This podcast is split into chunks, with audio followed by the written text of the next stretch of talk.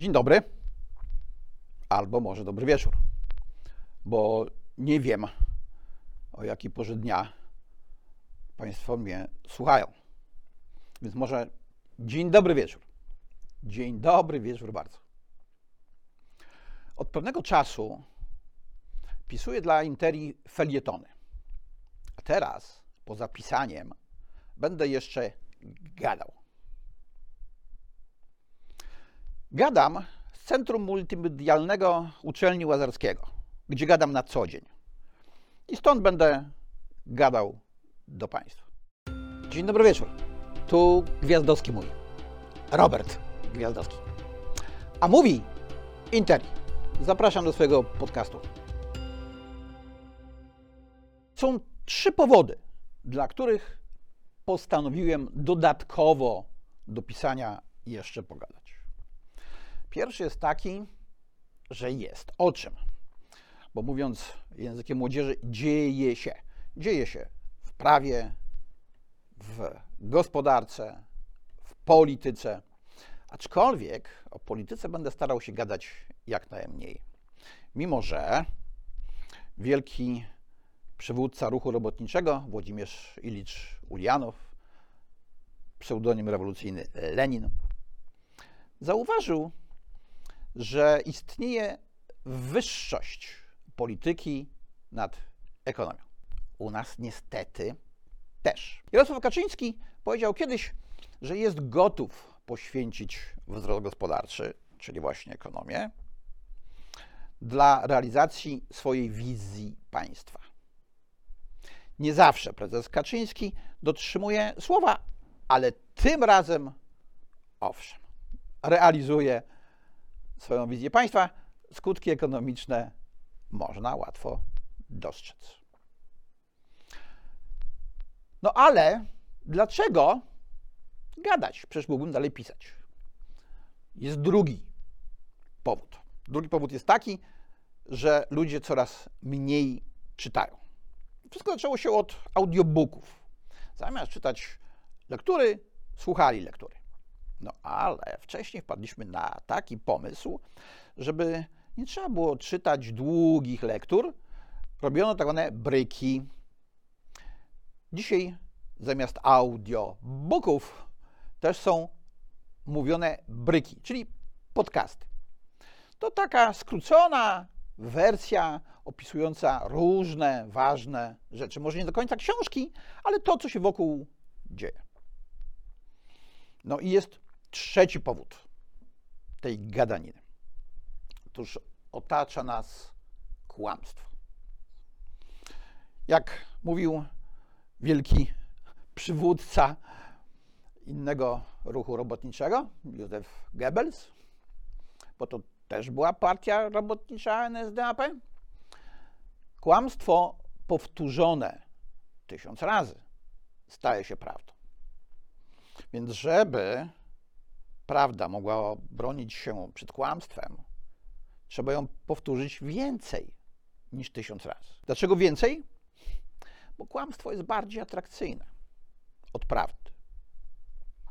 Ludwik von Mises, będę do niego nawiązywał, jeden z twórców tzw. Tak austriackiej szkoły ekonomii, twierdził właśnie z tego powodu, że prawda poza walorem prawdziwości musi mieć walor atrakcyjności. Niestety sam nie dochował tego przykazania. Jego opus magnum, Human Action, ma tysiąc stron. To nie jest atrakcyjna forma. Trzeba to jakoś skrócić, zrobić bryka albo podcast. Jak dyskutujemy ze sobą o różnych rzeczach, to bardzo często się spieramy. Formy tego mojego gadania będą trzy. Będę najczęściej gadał sam. No, w sumie człowiek się najlepiej czuje w swoim własnym, inteligentnym towarzystwie. Nikt mu nie przeszkadza, może słuchać mądrości, które wypowiada, wsłuchiwać się w tebr swojego głosu. Czasami jednak będę kogoś do studia zapraszał. Czasami będzie to ktoś, kto podziela moje poglądy i wtedy będziemy się nakręcali. Ale czasami postaram się zaprosić kogoś, kto nie podziela moich poglądów, żebyśmy sobie podyskutowali. Bo są pewne rzeczy warte dyskusji, ale nie warte kłótni.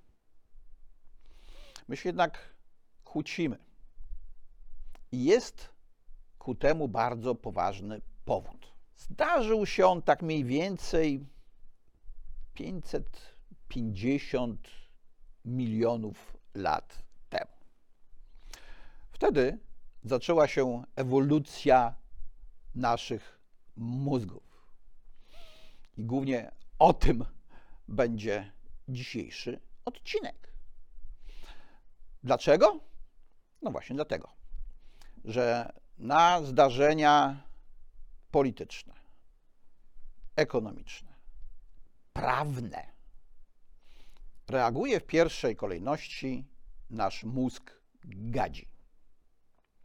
Ten trójdzielny podział mózgu przypomina trochę ideę trójpodziału władzy, o której będzie w innym odcinku. Pień mózgu, ten pochodzący od gada, reaguje jako pierwszy. On jest odpowiedzialny za podstawowe funkcje życiowe. Takie jak bezpieczeństwo, przetrwanie, jedzenie, picie, seks oczywiście też. Nad tym mózgiem gadzim wykształcił się mózg ssacz. To jest ciałko migdałowate, układ limbiczny. Tam gromadzą się nasze emocje, nasze uczucia. I on włącza się jako drugi.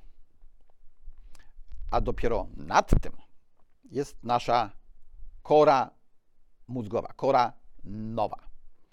Ją wykorzystujemy najgorzej w stosunku do jej potencjału. I dlatego ciągle się kłócimy. I dlatego nie jesteśmy w stanie nic z tym zrobić, nawet jak przeczytaliśmy mnóstwo różnych książek na ten temat i wiemy, że tak jest. Tak jest. A i tak w pierwszej kolejności uruchamia nam się mózg, gadzi, a potem ssaczy.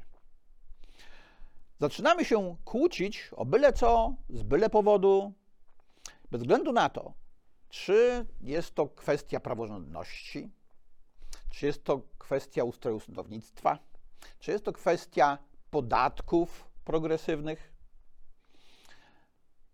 Wszystko jest przedmiotem przerabiania przez mózg, w którym w pierwszej kolejności włącza się mózg gadzi. W polityce jest to ważne. Drew Weston napisał taką książkę Mózg polityczny i pokazał, jak to działa. Na przykład posadził badanych ludzi do takiego komputera, poprzypinał ich różnymi diodami i zaczął opowiadać o różnych złych sprawkach ich ulubionych polityków. Efekt był taki, że w mózgu włączały im się w pierwszej kolejności emocje. Nie analizowali tego, co się do nich mówi. Działali emocjonalnie. Odpalała się w nich agresja. A potem Weston wspominał coś o jakimś polityku z innej opcji politycznej.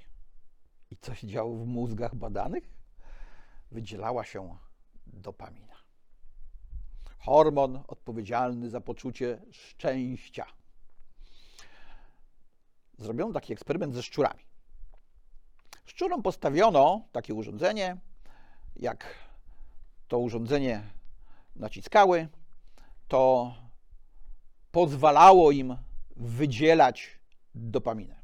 Zapamiętały się w tym tak bardzo, że zapomniały o jedzeniu i pozdychały. No i niestety czasami wydaje się, że nie tylko w sporach politycznych, ale także w sporach ekonomistów i prawników, które ocierają się o politykę, mamy do czynienia z taką właśnie dopaminową reakcją. Notabene miał rację Karol Marx. Generalnie Karol Marx się w wielu przypadkach mylił, ale czasami miał rację.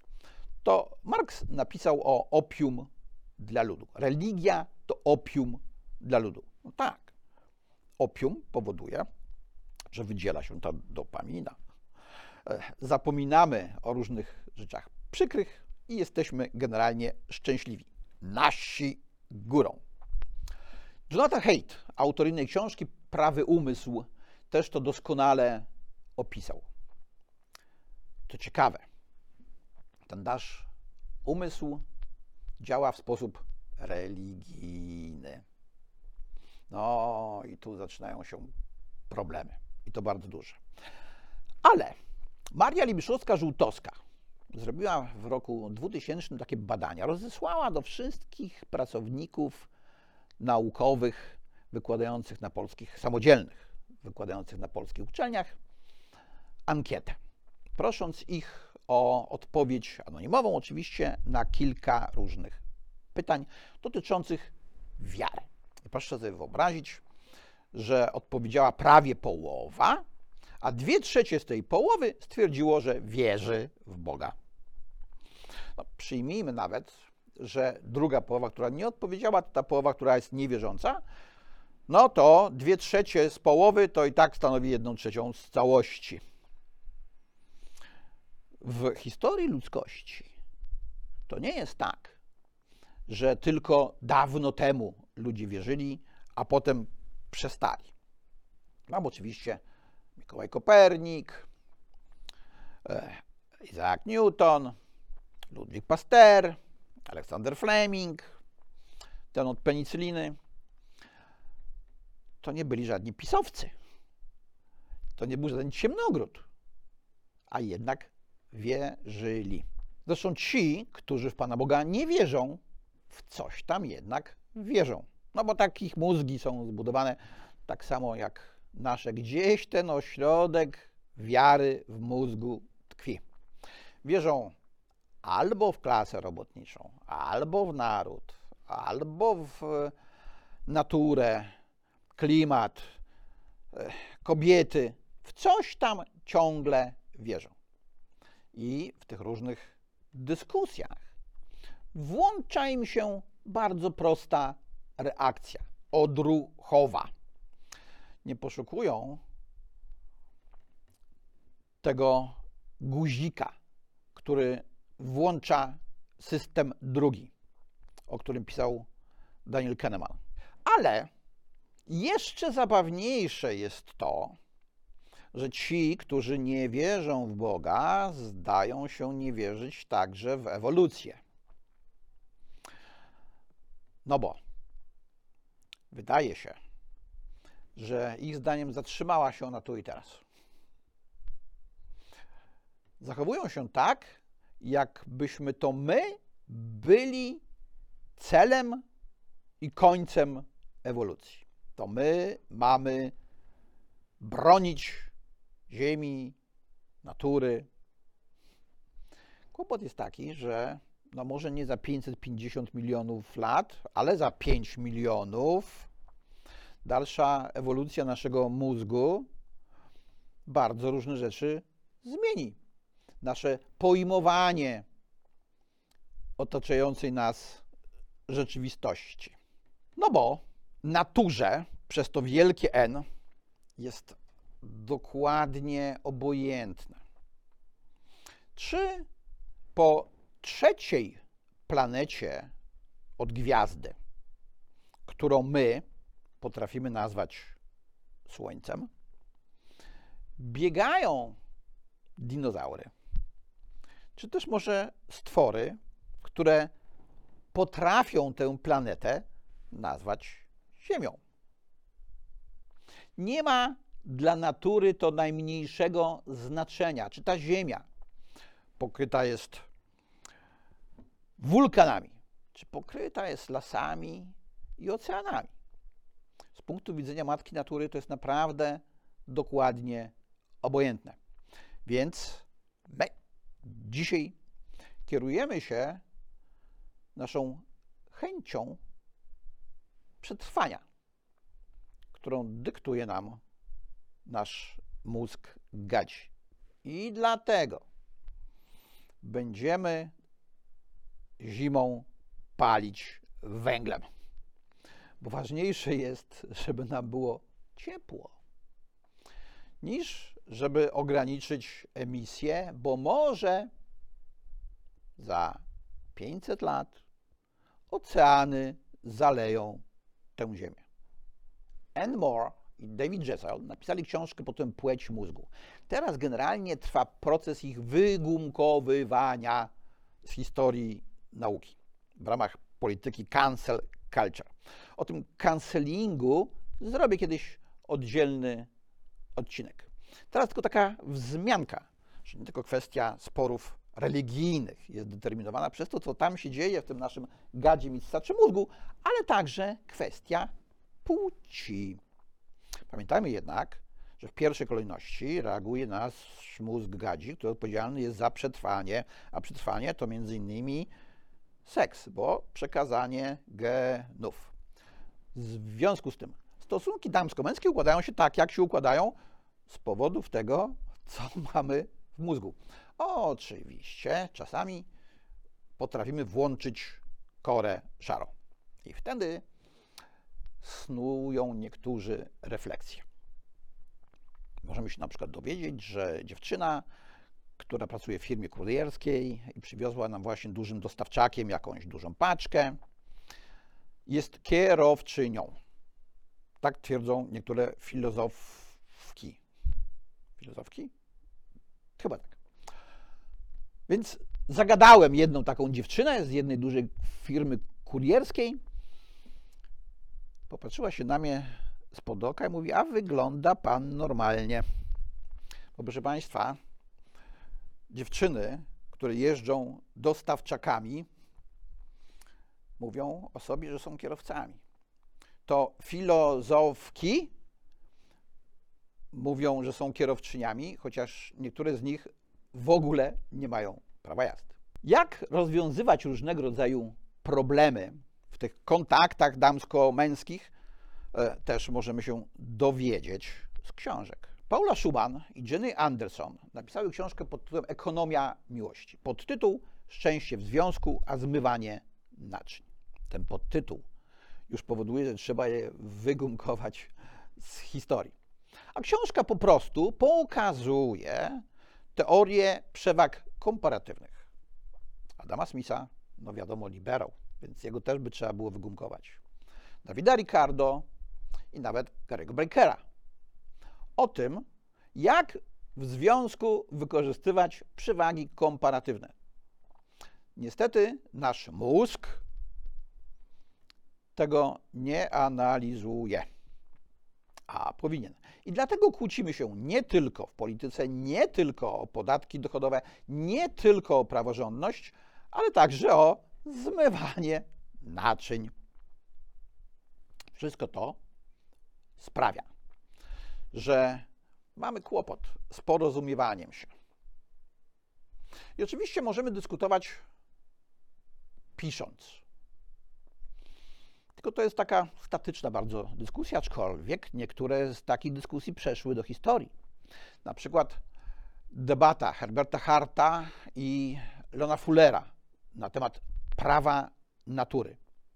Panowie pisali książki, artykuły, tak trochę jakby do siebie, mimo że obok siebie.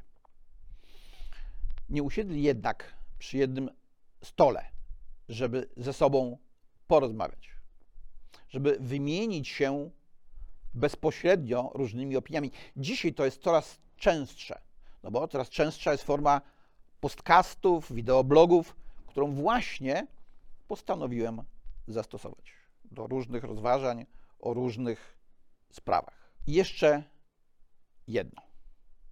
Język, jakim się posługujemy. Wychowałem się na warszawskim Grochowie, więc nie będę ukrywał, że potrafię posłać wiązkę. I nie będę ukrywał, że wcale się tego nie wstydzę.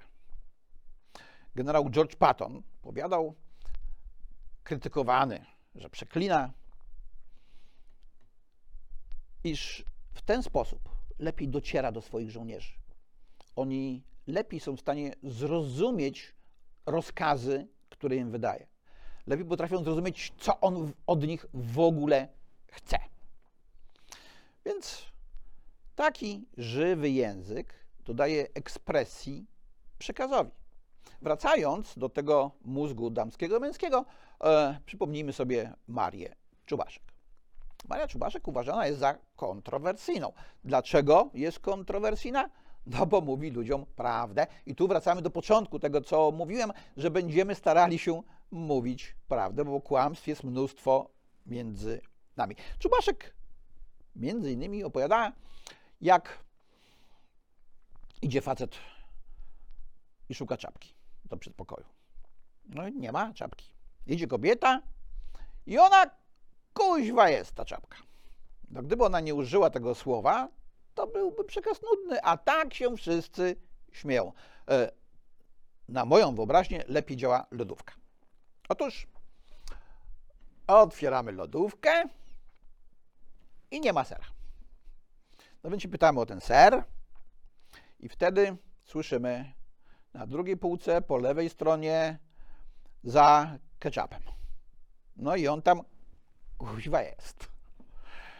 Więc to pokazuje, po pierwsze, że istnieją istotne różnice w mózgu kobiety i mężczyzny, o czym pisał Enmore i David Jezel, i że ubarwienie takiego przekazu powoduje wzrost zainteresowania. Ja to przećwiczyłem na kotach najpierw. Otóż, jak mówię psik, albo kysz, albo nie rusz, nie działa. A jak ryknę, no żeż, chyba kotów nie ma. Przez pół dnia. Dopóki znowu nie otworzę lodówki. Notabene z tym otwieraniem lodówki i szukaniem sera, to nie jest tak, że działa tylko e, jednopokoleniowo, że my się z naszymi kobietami, a one z nami kłócą o to, gdzie jest ser w lodówce i że my tego nie widzimy. To też przećwiczyłem na własnym przykładzie, bo e, kiedyś jak syn zaczął dorastać, otworzył lodówkę i zapytał, gdzie jest ser. I wtedy zamiast wściekłego na drugiej półce po lewej stronie za ketchupem usłyszałem śmiech. Mama zrozumiała, że to jest standardzik. Więc jak już panie są w stanie zrozumieć, co jest pewnym standardcikiem, to może i prawnicy będą w stanie zrozumieć, podobnie jak ekonomiści będą w stanie zrozumieć, co może być pewnym standardcikiem pewnych dyskusji, które prowadzimy. Kłócąc się nieustannie o wszystko. Niektórym się wydaje, że ich mózgi chyba działają jakoś lepiej. Że oni są bardziej racjonalni od innych. Tylko z tą racjonalnością to mamy dosyć duży kłopot. Tu się kłania ekonomia. Jest taki model Homo economicus Adama Smitha, a tak naprawdę to nie jest model Adama Smitha, tylko to jest model Johna Stuarta Milla. Bo to Smith pisał o Homo economicus i o podstawach jego zachowania, ale John Stuart Mill dokładnie opisał, o co Smithowi chodzi. Tylko, że Smithowi niedokładnie chodziło o to, o czym napisał John Stuart Mill. Mamy bowiem człowieka ekonomicznego w bogactwie narodów. Tylko nie da się czytać bogactwa narodów Adama Smitha bez przeczytania teorii uczuć moralnych Adama Smitha. A tego to już rzadko to czyta.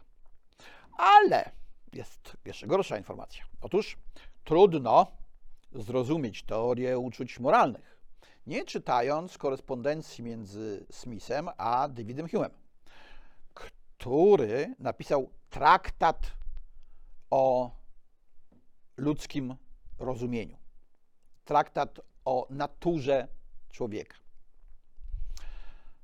Jeżeli porównamy teorię uczuć moralnych z traktatem Huma, to zobaczymy, że ten człowiek racjonalny kieruje się tak naprawdę nie logiką, nie liczbami, tylko uczuciami. czyli mózgiem saczym. Bo kieruje się tym, co jest dla niego przyjemne. Stara się zwiększać obszar przyjemności i ograniczać obszar nieprzyjemności. I to jest jego subiektywne uczucie. Nikt z zewnątrz nie przekona nigdy żadnego chłopaka, żeby dał sobie spokój, nie kupował tych kwiatów, bo to niepotrzebny wydatek, wierszy nie pisał, bo to szkoda czasu. On będzie to robił, bo lubi cierpieć w swojej miłości. I to jest z jego punktu widzenia racjonalne. Jest racjonalne, bo jest użyteczne. Jest użyteczne, bo zwiększa jego poczucie przyjemności, którą on odczuwa. Niektórzy uważają jednak, że nieracjonalni ludzie, bo nie posługujący się logiką ani prawem liczb, powinni być kierowani przez tych bardziej racjonalnych. Ale kto jest bardziej racjonalny? Kiedy staje się człowiek bardziej racjonalny? Mam takie wrażenie, że następuje to przez pewnego rodzaju iluminację. Na przykład jakiś profesor pojawia się w kancelarii prezydenta i prezydent mu wręcza nominację na ministra. I on wtedy doznaje tej iluminacji, bo on jeszcze parę godzin temu był nieracjonalny i trzeba było nim kierować. A teraz to on będzie kierował innymi. Czy tak to działa? Nie. Tak to nie działa. Absolutnie. Będziemy patrzeć z indywidualnego punktu widzenia, z punktu widzenia jednostki. Co prawda Włodzimierz Majakowski pisał, że jednostka zerem, jednostka bzdurą. I najlepiej do tych jednostek to by strzelał z Mausera, z towarzysza Mausera, jak pisał w jeden z wierszy. No ale to towarzysz Mauser strzelił do niego. Wersja oficjalna jest taka, że popełnił samobójstwo, ale nie jest wykluczone, że to był jeden z pierwszych przykładów działalności tzw. Tak seryjnego samobójcy. Taka jednostka, żeby była nie wiem jaką figurą, to nie dźwignie pięciofundowej kłody, pisał Majakowski. Więc wyobraźmy sobie, że jest nas pięciu potrzebnych do dźwignięcia takiej kłody, ale jeden mówi nie. Co tam się będę męczył? I teraz taka ciekawostka. Otóż z badań wynika, że ci mądrzy naukowcy,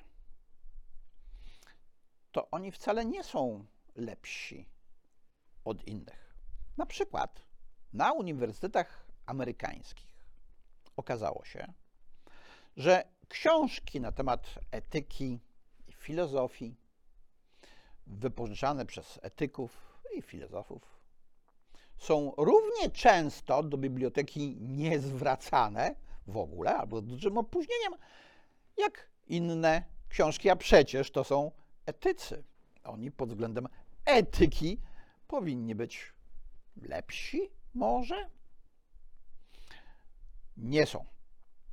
Dlatego, jak ktoś próbuje jednostce narzucić swój własny pogląd, twierdząc, że ona jest nieracjonalna i nic nie rozumie, to pamiętajmy, że te inne jednostki są dokładnie tak samo mało racjonalne.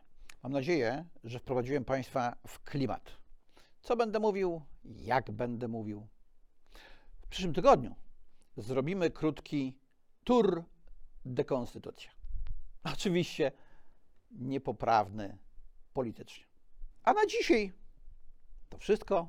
Bardzo serdecznie dziękuję za uwagę.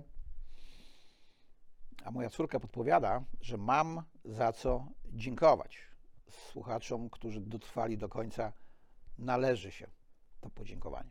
To dziękuję. Na dziś to już by było na tyle. Dziękuję bardzo i zapraszam na następny odcinek.